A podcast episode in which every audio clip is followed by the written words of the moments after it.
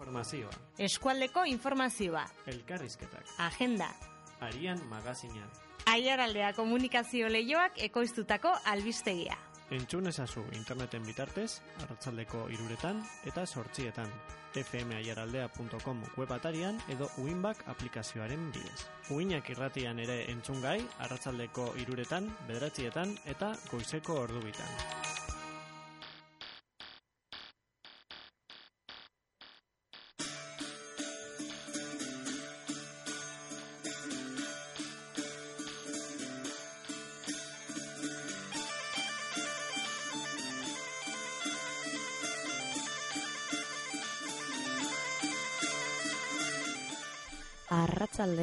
Entzule maite horiek. Aria magazinean saus eta gauz, izarmendiguren eta ni jera garaio. Eta, bueno, egun euritzu honetan, maiatzak bederatzean, hemen gauz berriak zabaltzeko grinarekin.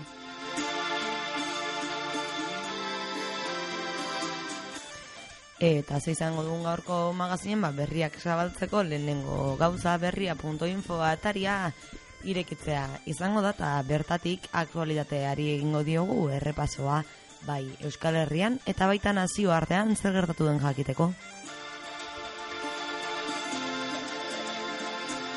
Eta horren, ondoren zer bai aldean ibilbide oso luzea eta bizia izango dugu gaurko irratzaio honetan hiru geldiune egingo baititugu hiru herri ezberdinetan.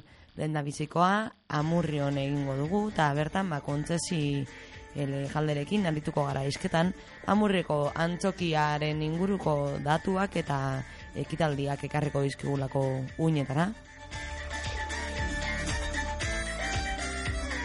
Eta horren ostan zer ba, arakaldora joango gara eskualderen puntatik puntara, bertan gaur arratzaldeko zazpietan egingo dutelako herribilera.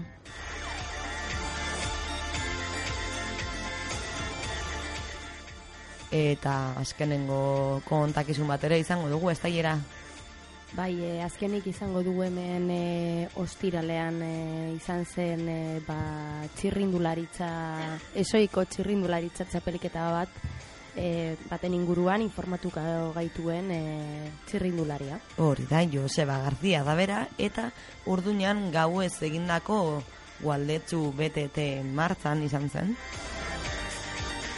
Baina, bueno, horiek eta gehiago izango ditugu gaurko irratzaioan egunero egiten dugun bezala, eh? E, e, eguraldia eta agenda ere bai, bizitatu baitugu. Beraz, ba, aspertzeko beta gutxi 8 maioen urrengo egun honetan.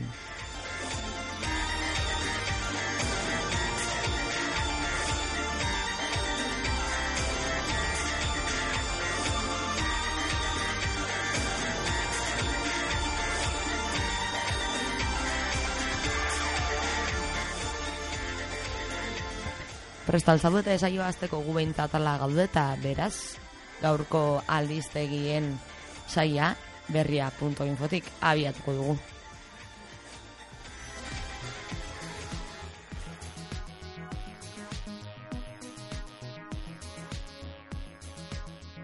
Eta politika kontuekin hasiko dugu gaurko berria.infoko atala.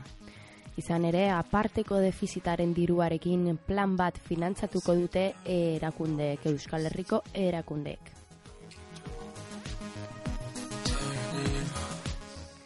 Defizit muga handiagoari esker, ekonomia suspertzeko gutxienez berreunda berroeta bost milio gehiago izatea espero dute jaurlaritzak eta alduendiek. Eduki eskaza iruditu zaio gipuzkoari, eta ez dela akordio bat izan nabarmendu du.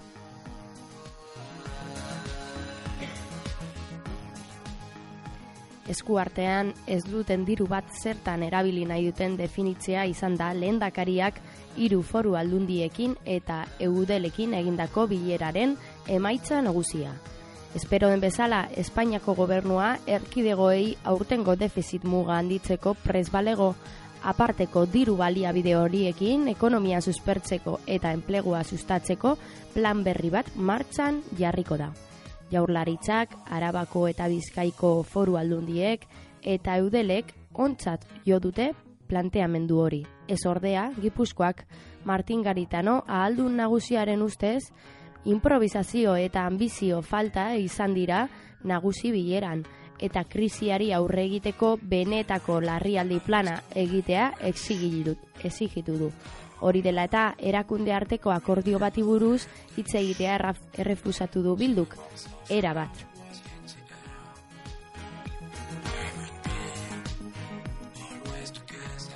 Bileraren atarikoetan gai zerrenda luzea ipatu zuten Eusko Jaurlaritzatik.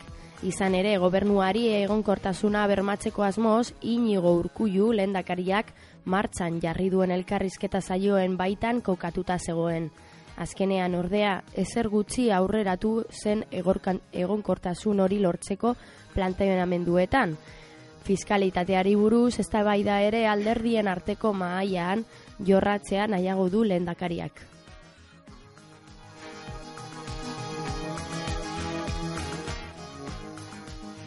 Gauza korrela, balizko defizit muga berriarekin eskura egon daitekeen dirura, nola banatu erabakitzera mugatu zen atxo, atxoko bilera.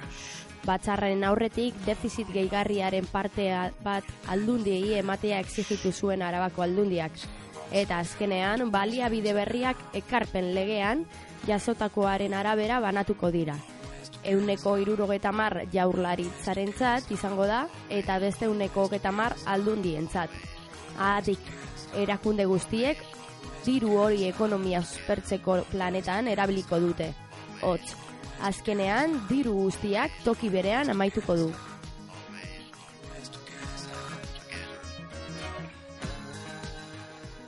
Zema diru izango da, hori argitzeko denbora pasatu beharko da.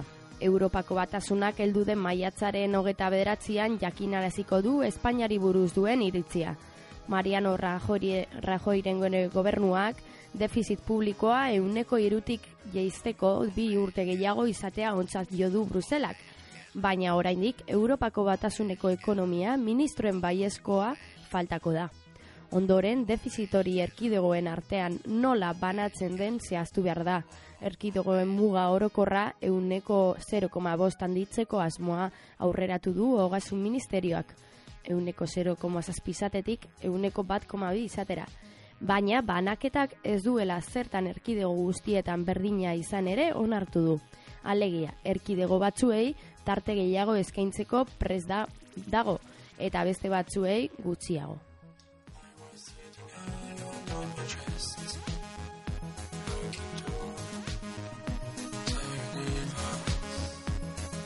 Eta politikarekin jarraituz e, PP alderdi popularrera egingo dugu jauzi, basagoitik bai estatu egin duelako politika utziko duela. Dena lotuta usten duenean utziko duela esan du, legebiltzarrera sartu aurretik. Santander bankuak Mexikon duen adarrean, harriko dalanen hemendik aurrera.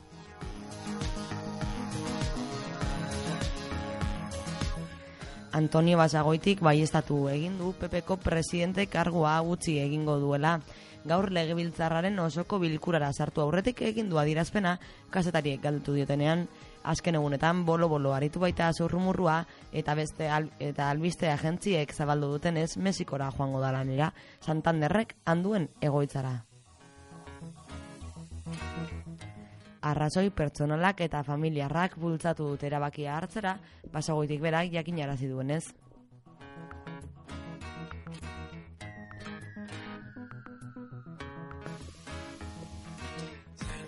Kargu aldaketa lotuta usten duenean utziko duela politika gaineratu du eta esan du bere ordezkoa batzorde batek izendatu dezakeela. Zurrumurrua zabalduta bere ala, Borja Senper eta Alfonso Alonso Pepeko kideak prestagertu ziren basagoiti ordezkatzeko. Berez, 2008an izango du EAEko PP kurrengo ezoiko batzarra. Biek ere orde aukatu egin dute barne borrokarik dagoela.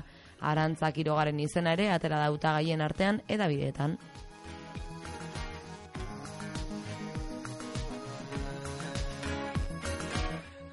Basagoitik ez du inoren alde egin nahi izan, bera ordezkatzeko eta inorrez dadila urduritu eskatu du alderdian badagoela jende gaztea esperientzia duna eta milaka proba zelegan ditu dituena erantziz.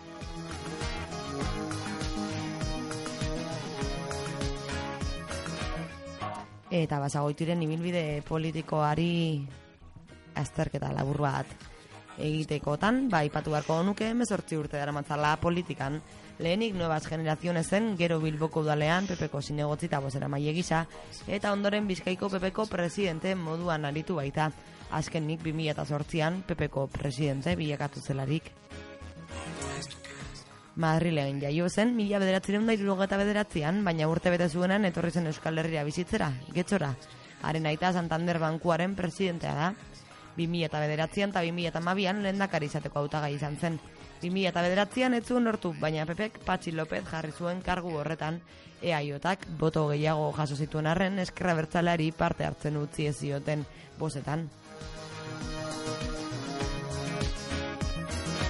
Gauzak onela, ba, basagoitik politika utziko duela jakin ondoren, Lópezek esan du asko egin duela alderdiaren gatik. Pepeko politikaren bazter, ba, bazter batetik atera zuelako, eta dagokion zentralitatea postuan jartzeko lanean aritu delako. Eta, ba, gai honekin harreman zuzena duelako, Libertad Digital atarira joko dugu, ba, bertan edabidean, edabide horretan zabaldu dutelako, Santi Abascal aiaraldeko pepeko kidea izan litekela, pepeko Euskal Herriko ordezkaria orain. Baina hori, oraindik ez da ziurra beraz, ba, egunaek aurrera egin ala, emango dizuegu horren berri ere.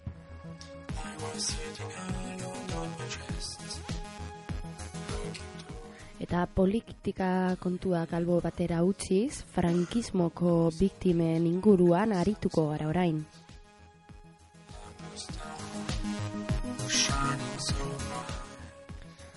Frankismoko biktimen deklarazioa atzera, atzeratu baitute. Espainiako atzerri ministerioak presio egin duela salatu dute eta prozesua ez dela geldituko berretsi.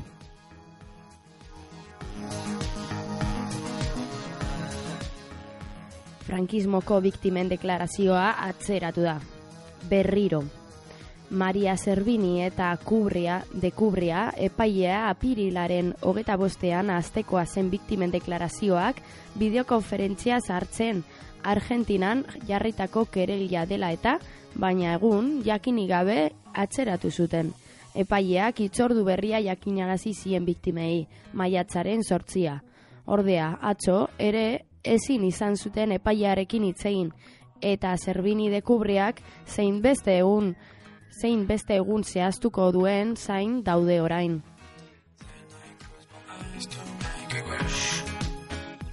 Kereiaren aldeko hiritar zareko ordezkariek eta kereia aurrean eramaten ari diren abokatuek Espainiako gobernuak egindako presioa salatu zuten atzo arratzean emandako prentzaurrekoan jakinarazi zuten Espainiako atzerri ministerioak ezin egon bizia helarazi diola Argentinako enbasadore Carlos Betiniri.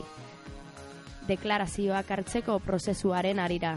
Ministerioak jakinarazi zion epailearen asmoen berri edabideen bitardez jaso zuela eta deklarazioak hartzeko enbasadak erreguzko gutun bidez jakinarazi behar ziola asmo hori deia jaso ondoren, deklarazioak bertan behera usteko eskatu zion Argentinako enbasadoreak zerbini dekubrea epaiari. Atxo bertan deklaratu behar zuten biktimek enbasadaren inguruan zeudela, jakin zuten berria, deklaratzeko sartzear zeudenean. Arazo teknikoen ondorioz atzeratu zuten zutela jakinarazi zieten orduan.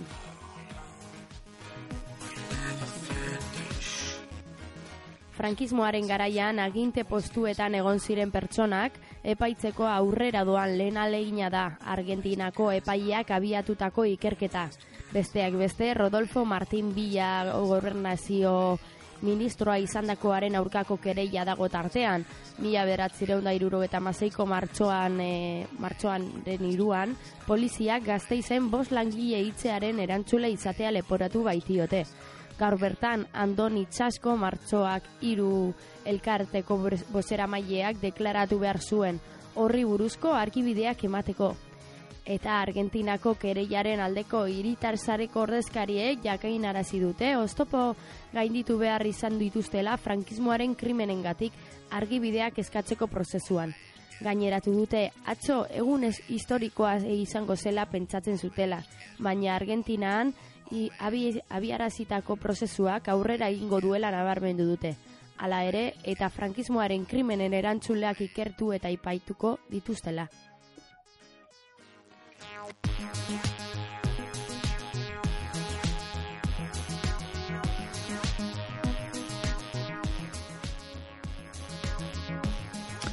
Eta biktimaetatik beste biktima batzuetara egingo dugu salto kasu honetan atxiloketak eta Euskal Herritarren gana.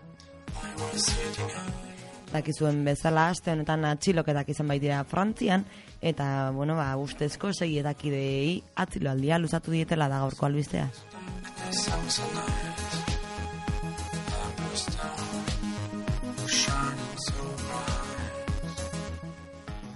Lau arma aurkitu dituztela adierazi dute ikerketako iturriek eta ez dute baztertu miak eta gehiago egiteko aukera.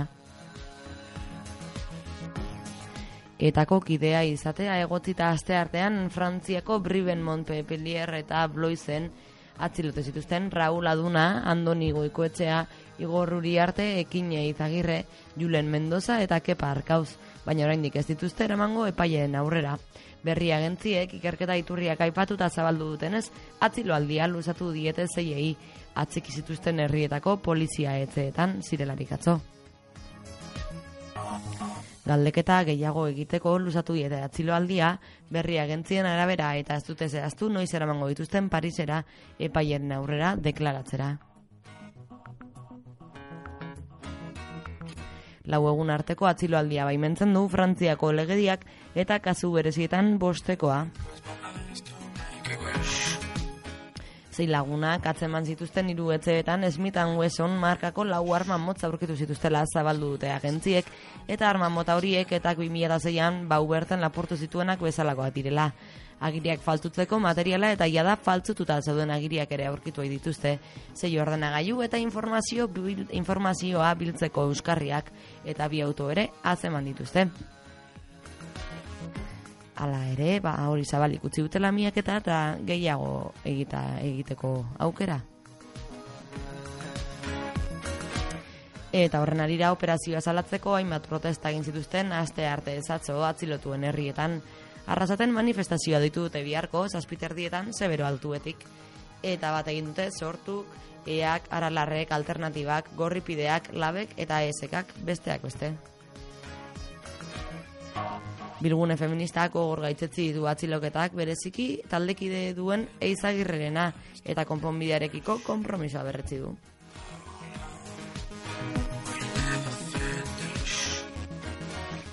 Amnistia Internazionalek aldiz gitzaskubideak errespetatzeko eta impunitatea amaitzeko eskatu die Espainiako poliziei Euskal Instituzioetako ordezkariei berriz garai berrian giza eskubideen gainean aurrera egiteko gomendioen katalogo bat eman die.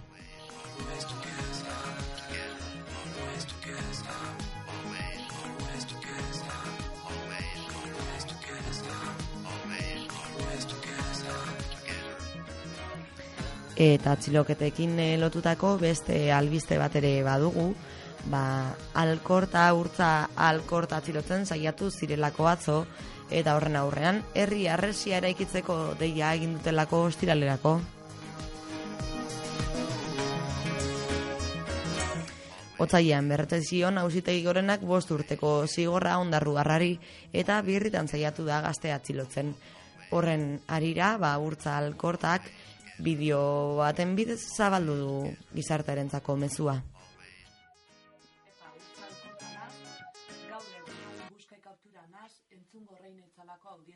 aginduai amarreguneko epin kartzela aurkestea.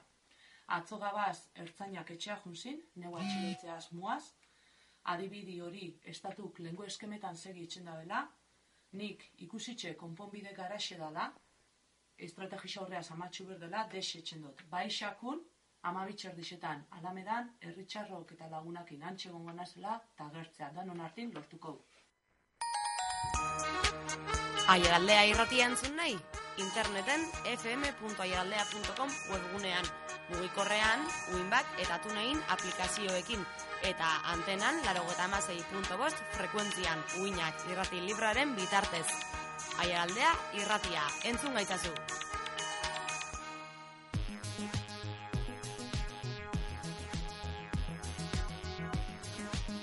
Eta gaurko biktimen artean ere baditugu gazteizko etxe bizitza batean aurkitu dituzten zenar emazte batzuen gorpuak.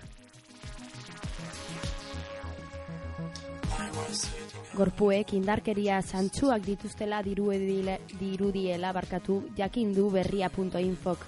Baina zenbait egun dara matzatenez, hilda oraingo ezin da jakin zer gertatu zen, ez da genero indarkeri kasu bat den ere. Gazteizko lakua arriega auzoan dago gorpuak aurkitu dituzten etxe bizitza. Atzo gauean, bederatzi terdietan, zenar emazteen zenide bateko hartarez izituen larrialdi zerbitzuak duela hainbat egunetatik ezin zuela eurekin harremanetan jarri esanez. Zuhiltzaileak sartu dira azkenean etxe bizitzan eta lurrean hilda aurkitu dituzte. Ertzaintza gertatutakoa ikertzen ari da, zer gertatu den jakiteko noski. Auzitegi medikua eta guardiako epaia ere bertara joan dira. Gorpuek indarkeria zantzuak dituztela dirudi, baina dauden egoeragatik ezin da oraindik jakin zer gertatu den.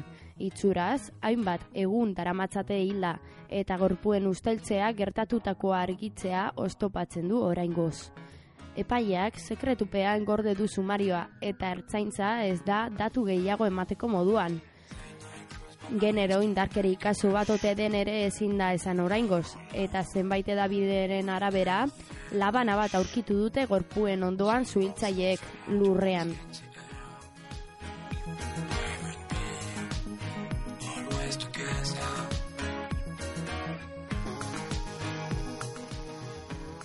Eta, bueno, albiste gogor eta txarrak albo batera utzita, apitin bat alaitzeko kultura joko dugu, bale? ba, deabru beltzak, naizta ez dakigun existitzen diren, etu ez, ba, talde bezala bintzat, hemen dugulako bate joka. Zehazki, ba, zein den albistea, lehioako umorea zoka, bertako eta kanpoko berrogota mairu taldek hartuko dutelako parte, eh? Egun da, hogei saio baino gehiago izango ditu aurtengo edizioak, eta kaleko arteen osasuna erakutziko dute maiatzaren amazeitik emeretzira iraungo duen jaialdian.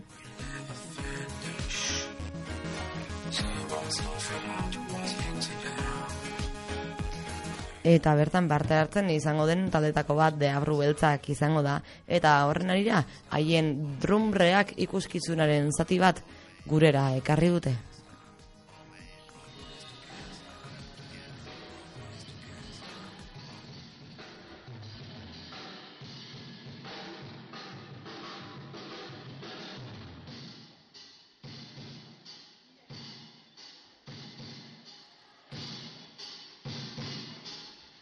berria.infon zintzilikatu duten bideoan, ba, danborrotzekin, koreografia, kale art street, estiloko, ez dakit estilo hori ziztitzen den, baina, bueno, bideo hori ikus gai duzue. Itzura polita du, eh?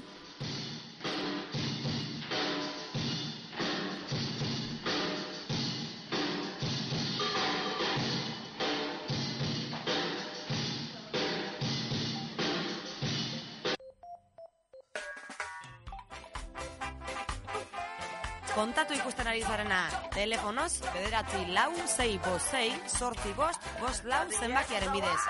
Twitterrean, abildua, FM aiaraldea aipatuz.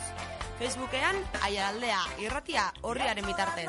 Eta e-mailez, irratia, abildua, aiaraldea.com elbidean. Aiaraldea irratia, Euskara utzesko internet irratia.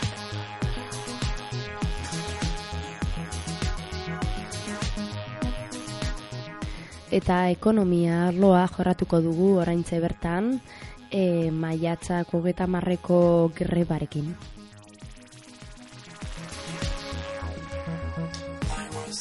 Begirale izateari utzi eta kalera ateratzera deitu dute sindikatuek.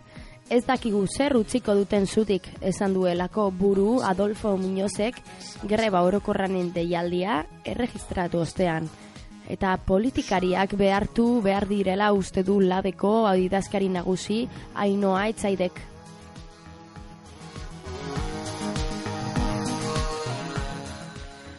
Maiatzako eta marreko greba orokorrerako bidean urratzak egiten doaz sindikatu ideitzaileak. Motorroak berotzen alegia herria kalera atera dadin. Araba, Bizkai eta Gipuzkoako deialdi ofiziala erregistratu ondoren, atzo donostian Ela eta Labeko idazkari nagusiek, Adolfo Muñozek eta Ainoa Etzaidek, ESK iru Eilas eta CNT-ko ordezkariekin batera, eta estatu kolpek ekonomikoa salatu zuten. Nafarroan eren egun egin zuten erregistroa. Iruñan, beraz, maiatzak hogeta marrerako ego euskal herri osorako deialdia egin dute jadanik. Ez dakigu zer utziko duten zutik lan eguzkubideen atalean, esan zuen Muñozek jaurlaritzako lurraldeko enplegu ordezkaritzaren atarian. Erregistratu berria zuten greba horrokorrerako deialdiak hitz gutxirekin azaldu daitekeela esan zuen jarraian. Badakigu zer datorren. Pentsio erreforma bat, langabezia zaritu ukituko duen beste lan erreforma bat, administrazio publikoaren zuntzipena, hau estatu kolpe ekonomikoa da eta geratu egin behar dugu. Borroka da gauzak aldarazi ditzakeen aldagai bakarra. Hildo berean, egituratu zuen bere azalpena labeko idazkari nagusiak, eta mobilizazioaren beharrean sakondu zuen murrizketa eta sufrimenduaren bidea derrigorrezkoa dela diotenak gezurretan dabitzala esan zuen. Alternatibak badira, baina erabakiei politikoak hartu behar dira ere, eta erabakiak hartuko dituzte behartzen baititugu. Herria kalera ateratzen bada politikariak behartuko ditu. Herriari zuzenean erreparatu zion beraz hilaren hogeta marrerako grebarako lantokiz lantoki eta herri zerri prestatu behar dela esanez. Ez da beste greba bat, gaineratu zuen. Elite ekonomikoak bere eredua inposatzeko prez dagoelako. Egoerari buelta emateko dauden aukera guztiak, aukera bakarrak. Mobilizazioan daude, etzaideren ustez. Ez gaitezen izan, begirale. Eta orain kirol kontuetara joko dugu, futbola izango dugularik izpide. Alex Fergusonek erretiro hartuko baitu sasoi bukaeran, hogeta meretzi urteko entrenatzaile ibilbidaren ondoren. Azkenengo goita zei urteak Manchester United entrenatzen eman ditu, eta aldaka ebakuntza batek behartu du kargoa ustera.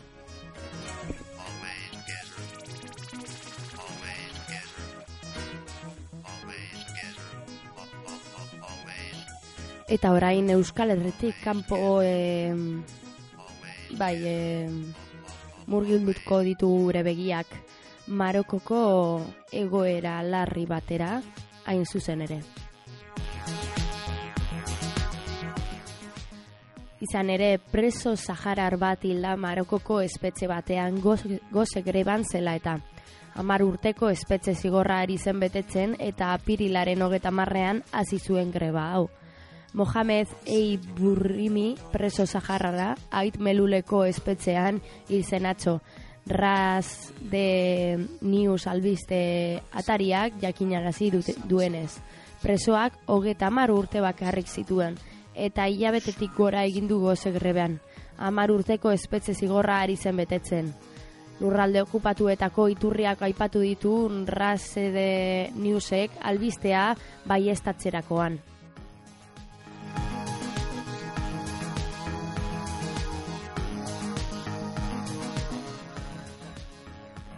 Eta jadanik ba, nazioarteari errepasoa eman da urrengo ae minutuetan aialdean kokatuko gara. Ez ordea, gurekin harremanetan nola jarri, esan gabe.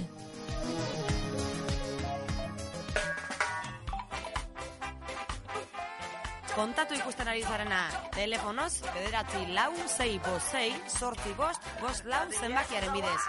Twitterrean, abildua FM aiaraldea aipatuz. Facebookean, aiaraldea irratia horriaren bitartez. Eta e-mailez, irratia, abildua, aiaraldea.com elbidean. Aiaraldea irratia, Euskara utzesko internet irratia.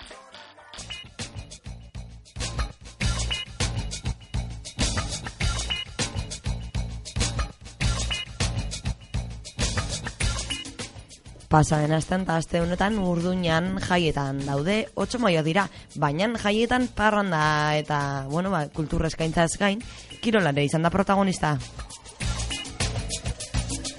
Eta urtengo ekimen berritzaie eta garrantzitsuenetako bat, gualdetzu taldeak antolatutako gaueko bizikleta martza izan zen. Eta bertan parte hartzen, ibili zen Joseba Garzia. Kaixo, Joseba? Kaixo, egunon. Zer moduz ongi? Bai, ondo, hemen On- lanean. Ja, re rekuperatuta urduñako martzatik edo? Bai, bai, bai, azkenean hori e, martxa bat izan zen, eta, bueno, disfrutatzeko momentu oso ona izan zen. Zer dutan e, izan zen e, ibilbide, ibilbidearen hasiera eta nolakoa izan zen bidea? Kontatu. Ba, orduñatik bederatxe, e, gauko bederatxetan atera ginen, eta, bueno, hori ba, babi orantxe abiatu ginen, hor e, buelta oso polita bat eginez, eta gutxi gora bera marte erdietan edo orduñan, orduñan geuden ja. Eta Joseba, e, zenbat e, jende parte hartu zuen? E, barkatu? Zenbat zirrindulari e, parte hartu zenuten? Oso, oso gutxi entzuten dut, eh? Bai, jeritak galdetzen dumen aldabenetik zenbat e, parte hartzaile egon ziren, gutxi gora bera. Eh, ba, egun da berrogei edo. Joe, badira, badira, eh? Eta ibilbideari Bai, bai, dagokionez, eh, nondik nora egin zenuten E, zeharkadia, bai? Ba, e, orduñatik e, bire, bat eman genuen, e, kasko viejotik edo, eta gero, ba, e, ba biorantxa behiatu ginen, e, eta handik, e, gero, e, hori txarlazo, Virgen de Txarlazora, e, igo ginen, ez, ez, ez, e, e, erdi, erdi edo, eta gero berriz e, orduñara. Mhm.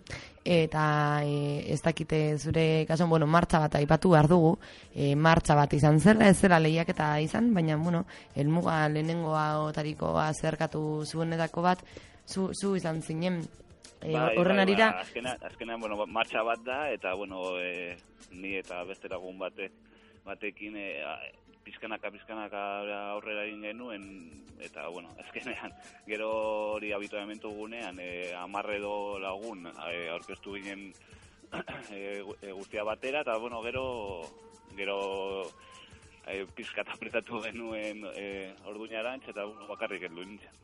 Mhm. Eta e, ez dakigu e, zure esperientzia zelakoa den kontu gauetan, e, bizikleta martxa bat egiteko, gauak ze alde on eta ze alde etzar ditu. E, barkatu ez dut, et, oso gutxi entzuten dut. Bai, e, bizikleta martzak egiterako orduan, gau Bai. ez egiteak, ea e, ze alde on dituen eta ze alde etzar. Hombre, azkenean e, gau ez egite, e, martxa bat egitea, ba, badago jendea, ja, e, ni adibidez, ba, lagunekin eta e, ba, gau ez ibiltzen dugu hemendik ere. Orduan, esperientzia minimo hori badaukagu. Badago jendea, e, ez duela inoiz, e, hori gau ez ibili, eta azkenean hor pizka e, ibili bar da kontuz. Eta, eta bueno, ni, ni adibidez oso, oso gustoko dut e, gau ez ibiltzea. Txaleko erreflektantea, de, e, bai, erreflektantea behar beharrezkoa da orduan, ez da? Bai, bai, bai, bai, bai, bai. Eta beste nola baiteko e, bai, e, ba, ardurarik izan behar duzu gau ez izan da? Ez, e, ba, kontuz ibiltzea eta hori e, foko on bat erabili eta eta eta hori eta, on- eta ondo pasatu. Eta bitxikeriaren bat baduzu hortik anekdota bitziren bat e, kontatzeko lasterketa hortatik. Ba, ba nik adibidez, ba, ez, nik ez, e, normalean, e, ga- e, gau ez ibiltzerakoan, ba, ba animaliak edo e, ikusten dituzu, ez? Baina nik adibidez ez, ez, ez nituen bateri ikusi. Baina, baina esperientzia oso polita da, zeren zu basoaz, hori baso erditik e, isilpean eta inoz esperientzia oso bizitzeko, bizitzeko da, oso, oso arraroa da. Eta egin zenuen e, ibilbidetik zein da zure pasarte gogokoena, pasarterik gogokoena? Nora, nora, barkatu? Bai, egin zenuen e, ibilbidetik zein Bai. izan zen zure pasarterik edo tarterik gogokoena? Ba, txar, txarrazoren igoera. Txarrazoren igoera oso polita izan zen, zeren ba, e, e, basoa oso itxia da, eta gau iluna geratzen da, eta oso, oso, oso polita, oso sentsazio, bizi- bizitzeko sentsazioa da. Mhm, Baduela, baduela berez arma ere, ba, gau ez bizikleta hartu eta kirola egiteak. Eta e, zure kasuan, e, Joseba, ez dakit, e, nondi datorkizu bizikletarekiko saltasun hori gau ez ibiltzareko, Ba, iribiltzareko? ni bizikletan beti danik ibili naiz, ez? Eta iaz eh, lagunekin ba, planteatu genuen. Eta zergatik ez dugu, ez, ez gara ateratzen e, gau ez bizikletarekin. Eta, bueno, ho- horregatik pizkanaka pizkanaka, ba, animatu egin gara, eta, bueno, aurten egin da hori martxa orduña, eta, bueno, apuntatu ginen guztio batera, eta ondo, ondo pasatu genuen. Bakoitza bere, bere ritmoarekin, eh, baina, baina guztio disfrutatzen. Mhm. Aurrera begira baduzu beste martzaren bat egitea buruan? Bueno, ba, aurten, e, e, iaz bezala, aiarako, aiarabaikeko martxa ingo dugu, eta, bueno, hori antola, antolatzeko, antolatzeko beharren gaudea, baina, bueno, Mhm. hori, hori izango da be, beste martxa bat egiteko, egiteko. Aha, Noiz izango da, lasterketa hori? E, izango da, e, ustailak amairu, Aha, ba, agendetan apuntatuko dugu orduan. bai, bai. ba, oso ondo, Joseba, ba, mila eskerre arian magazinean esperientzia Vale. berri emateagatik. Eta Oso ondo, ekaina, ekaina aldean hitz egingo dugu, aiara baiken. Vale, vale. Zerkaldi hortaz. Eskerrik asko. Agur.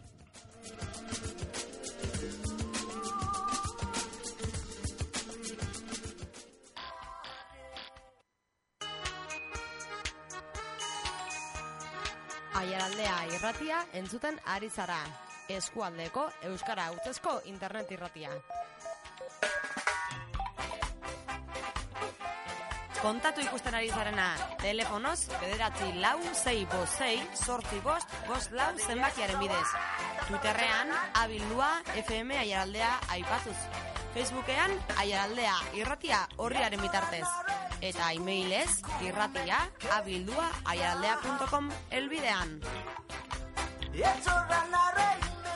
Aiaraldea irratia, Euskara utzesko Bai, eta oraintze e, arituko gara, ik, bueno, entzun izango dugu e, ba, laudion larun bat honetan e, ospatu zen kultur anistasun jaialdia. Bertan amaika kulturaren e, oiturak eta ikusi genituen eta, bueno, benetan bere oso aberazgarria den bideoa entzun egingo du.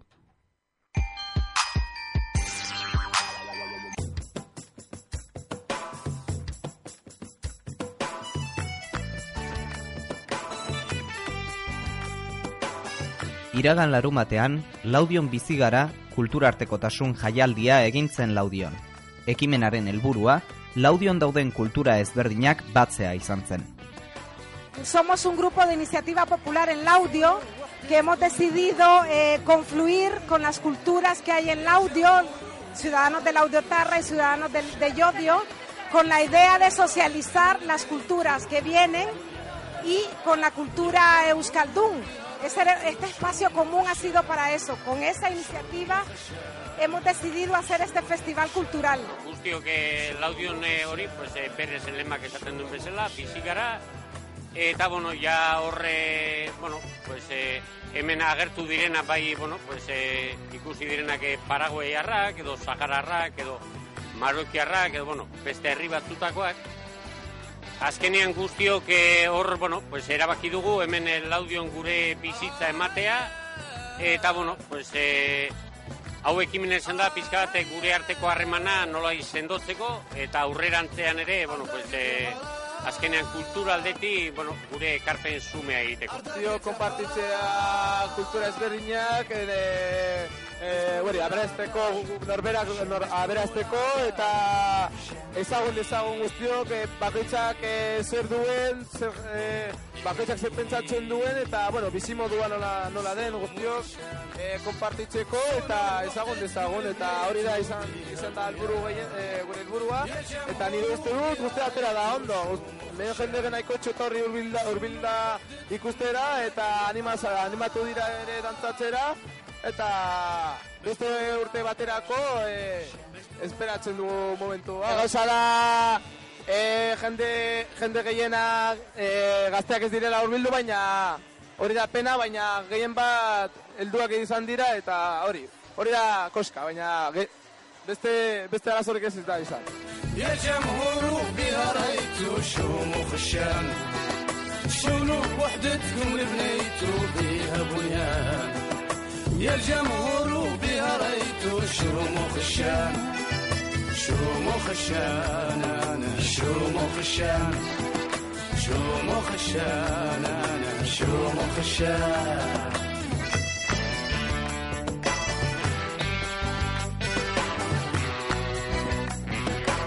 Ekimenak izan duen harrera ikusita, bigarren edizio bat egongo dela ziurtatu dute antolatzaileek. Animatzea E, proiektu bat egiteko eta eta gauza ondo ateratzea eta bueno, horrengo baterako eta Habemos 47 nacionalidades y en este festival han participado siete países junto con Euskal Herria.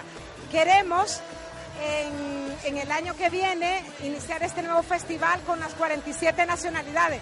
Bueno, a eso queremos llegar, no llegar, llegar, queremos llegar a la Andy, gente, ya, gente, a, a, a, toda la gente, ¿no? Llegar para que pueda participar en este festival con el objetivo de socializarnos y que los laudiotarras sepan que tienen otra comunidad, otra ciudadanía aquí como todos nosotros y nosotras para que participemos en este ámbito político, social, económico, que tenemos un reto aquí en la audio.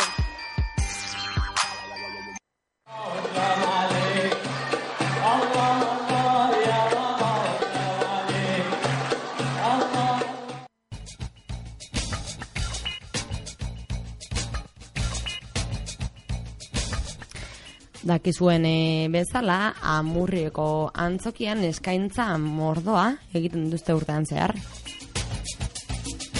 Eta hori eta mintzatuko gara aurrengo minutuetan eta telefonoaren bestaldean horretarako prestaukagu kontsesi elejalde, kaixo kontsesi? Kaixo, egunon. Zer modu zongi? Ondo, ondo. Ondo, ondo, pues gara, ba, ala baldin bada.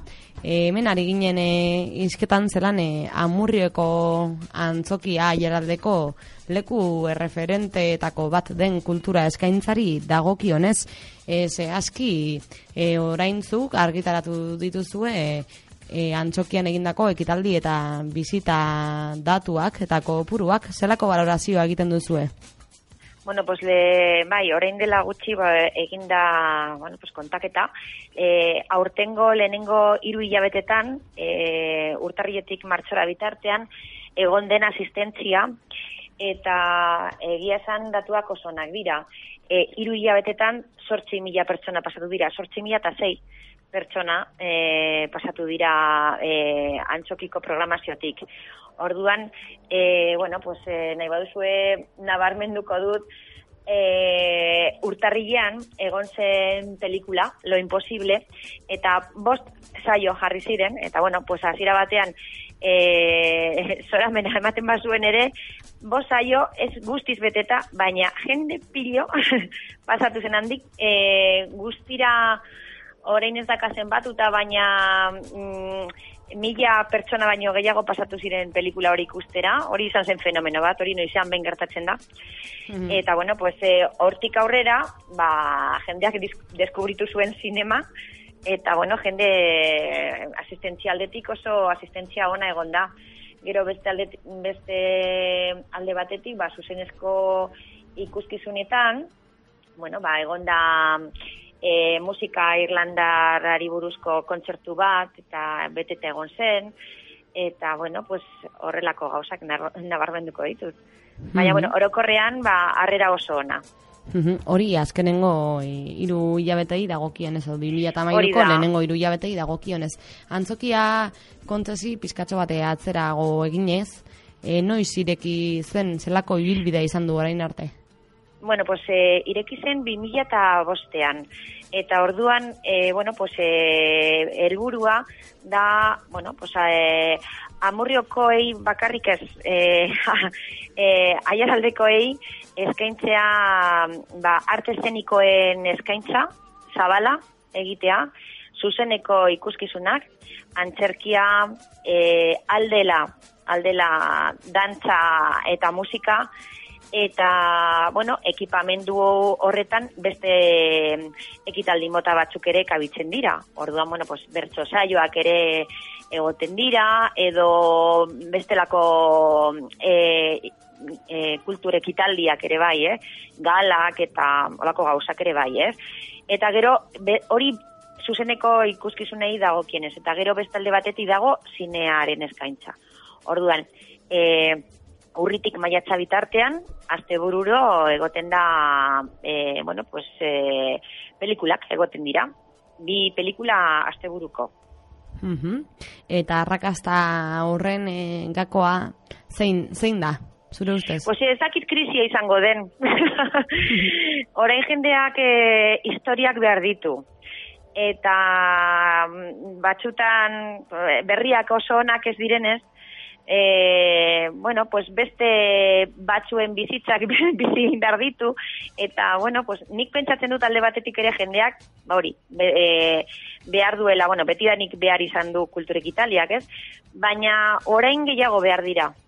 Eta orduan, bueno, pues e, aldela eta krisiak usten dugun bitartean, ba, segitu behar dugu programatzen. Orduan, jendeak e, eskertzen du asko, eta batxutan e, jendeak e, kesatzen ari da orain zinemara normalean pues, bajatu direlako datuak, ez? Amurrionez, baina orokorrean ba, krisiak ere pues, eragin hori izan du, ez? Eta, bueno, pues, beza ere igo dela, eta sarrera garestiak direla, eta, bueno, pues, eh, esaten dute, klaro, jendeak zeo zer kendu behar badu, pues, lehenago kentzen duela hori. Baina hori egia bada ere, egia da jendeak behar dituela historiak, ekin, e, etxetik ateratzea, eta e, oso oso ez dakite gustora ateratzen dira e, antzokira etortzen direnean, ez? Orduan hori baloratzen dute eta hori deskubritu ez duenak ez daki zer den. Baina deskubritu duenak al, albalin badu segitzen du e, mantentzen. Mhm. Alde horretatik e, gerturatzen diren e, bizitariak fidelak direla esan liteke ez da? Bai, Errepikatzeko bai. dutenak. Bai, bai, bai, bai, batez ere astelenetan. Astelenetan sinema dago eta astelenetan da klub bat. Normalean, e, e, badago jendea, e, pelikula jak, e, zein den jakin gabe joaten dena. Eta ohitura hori hartu duelako, astelenero joaten da. Orduan, horrelako pertsonak ere badaude, bai. Krisiaren e, eragina aipatu duzu lehen imaginatzen dut hori ba bai e, antolakuntza aldetik e, aurrekontuen aldetik nabarituko zela eta eragina izango zuela. Eta baita e, bizitari edo erabiltzaileen aldetik ere. Krisia dela eta murriztu da e, presio, presioa zarreri dagokionean? Aldaketarik izan da? Mm, ez, e, prezioak ez dira, ez dira bajatu, eh? E, baina prezioak amurrion beti izan dira nahiko ekonomikoak, eh? Ez dira, ez dira garestiak. Baina, claro, mm, dena gora baldin badoa, ba, pelikulen garraioa, pelikulak eta dena badoa, pues, eh, guk ezin dugu prezioa bajatu. Aurten ez dira prezioak bajatu. Baina mm, uste dut erantzuna oso, oso ona izan dela, eh, jendearen partetik. Eta gero, zuzeneko ikuskizunetara ere, bueno, pues, prezioak ere ez dira oso garestiak, orduan. zenbat eh, balio bueno, dezake gutxi gora bera? Pues, normalean, Zinemak edo bestelako... eh, zinemak balio du, segun eta zelako saiora joaten zaren. E, umentzako saioa denean, iru, iru euro eta irurogei. Eta e, helduentzako saioa denean lau euro eta larogei. Eta aztelenetan, ba, da ikusleen eguna, eta orduan presioa merkeagoa da, iru euro eta irurogei. Baina, horiek dira presioak. Mm, zu, e, zarrera bat erostera basoaz, hori ordaindu behar duzu. Baina, badaukagu zinebonoa. Eta hori da, jendea fidelizatzeko sistema bat.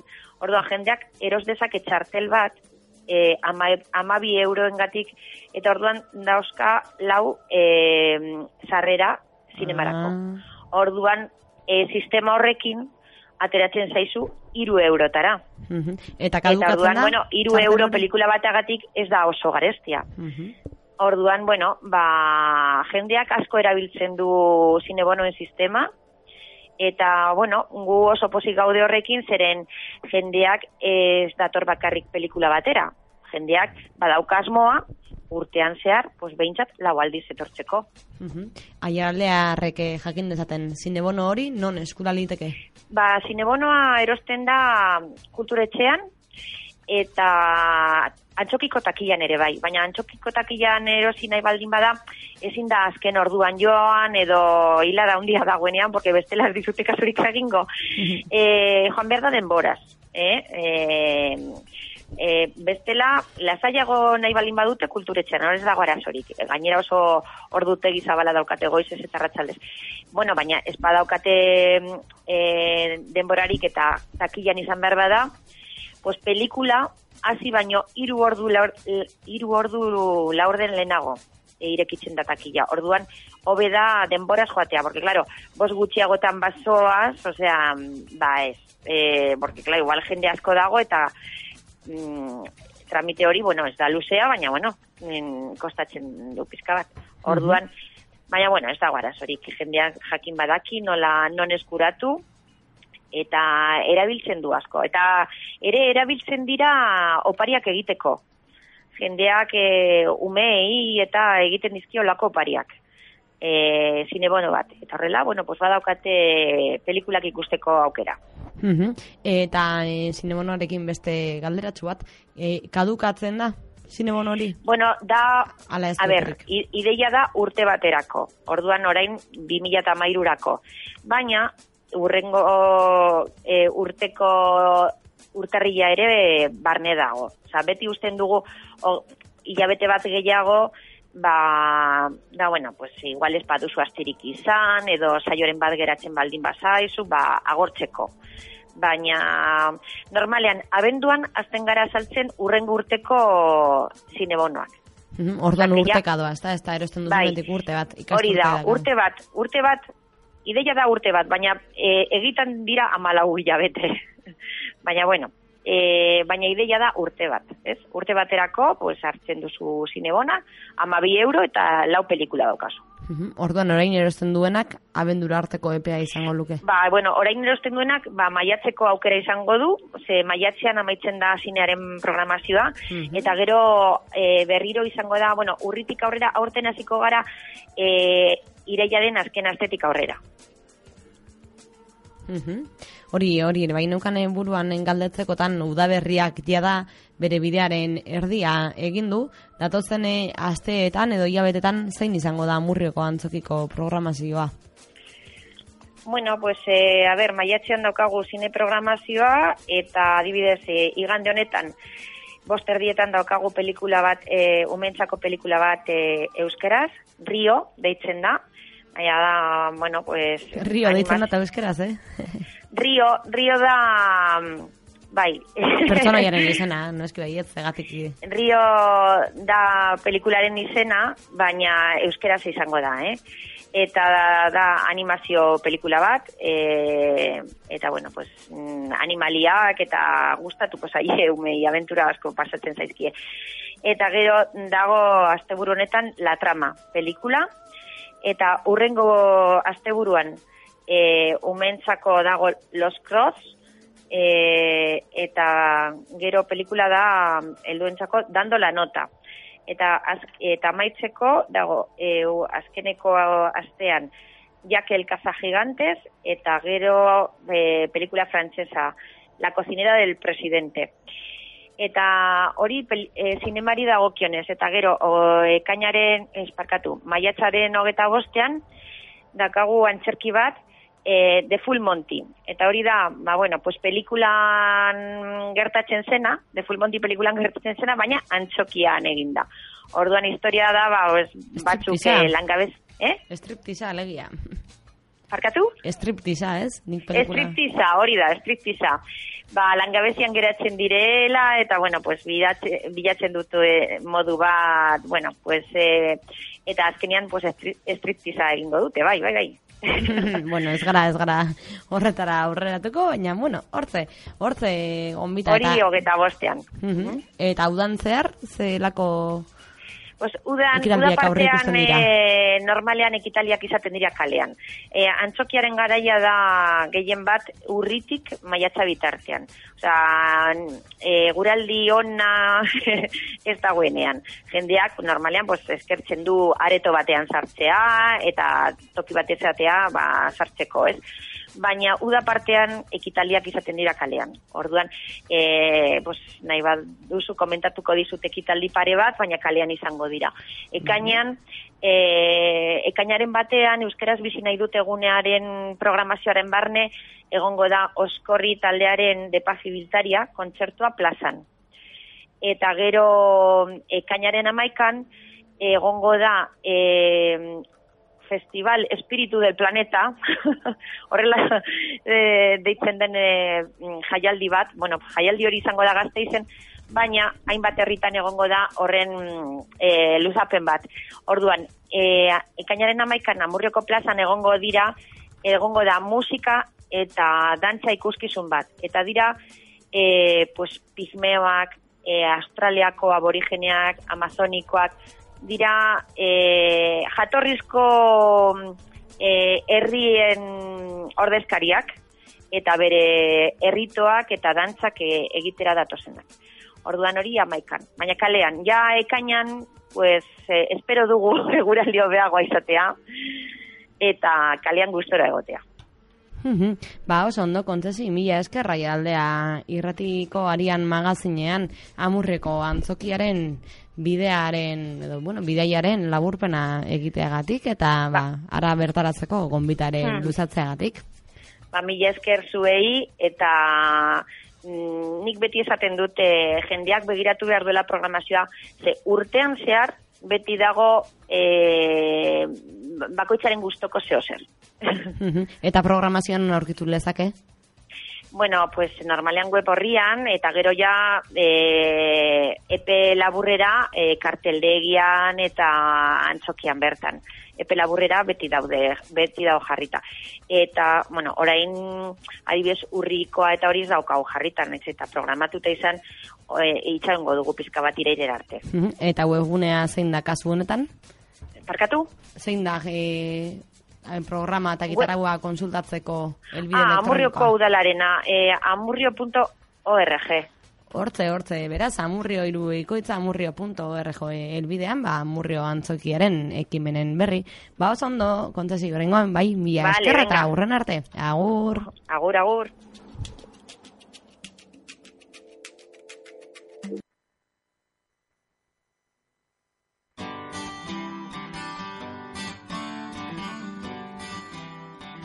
Eguraldia, seguraldia izango dugu gaur, ba, zerua nabarmena denez oso deitzu izango dugu eta erabat estalia egongo da.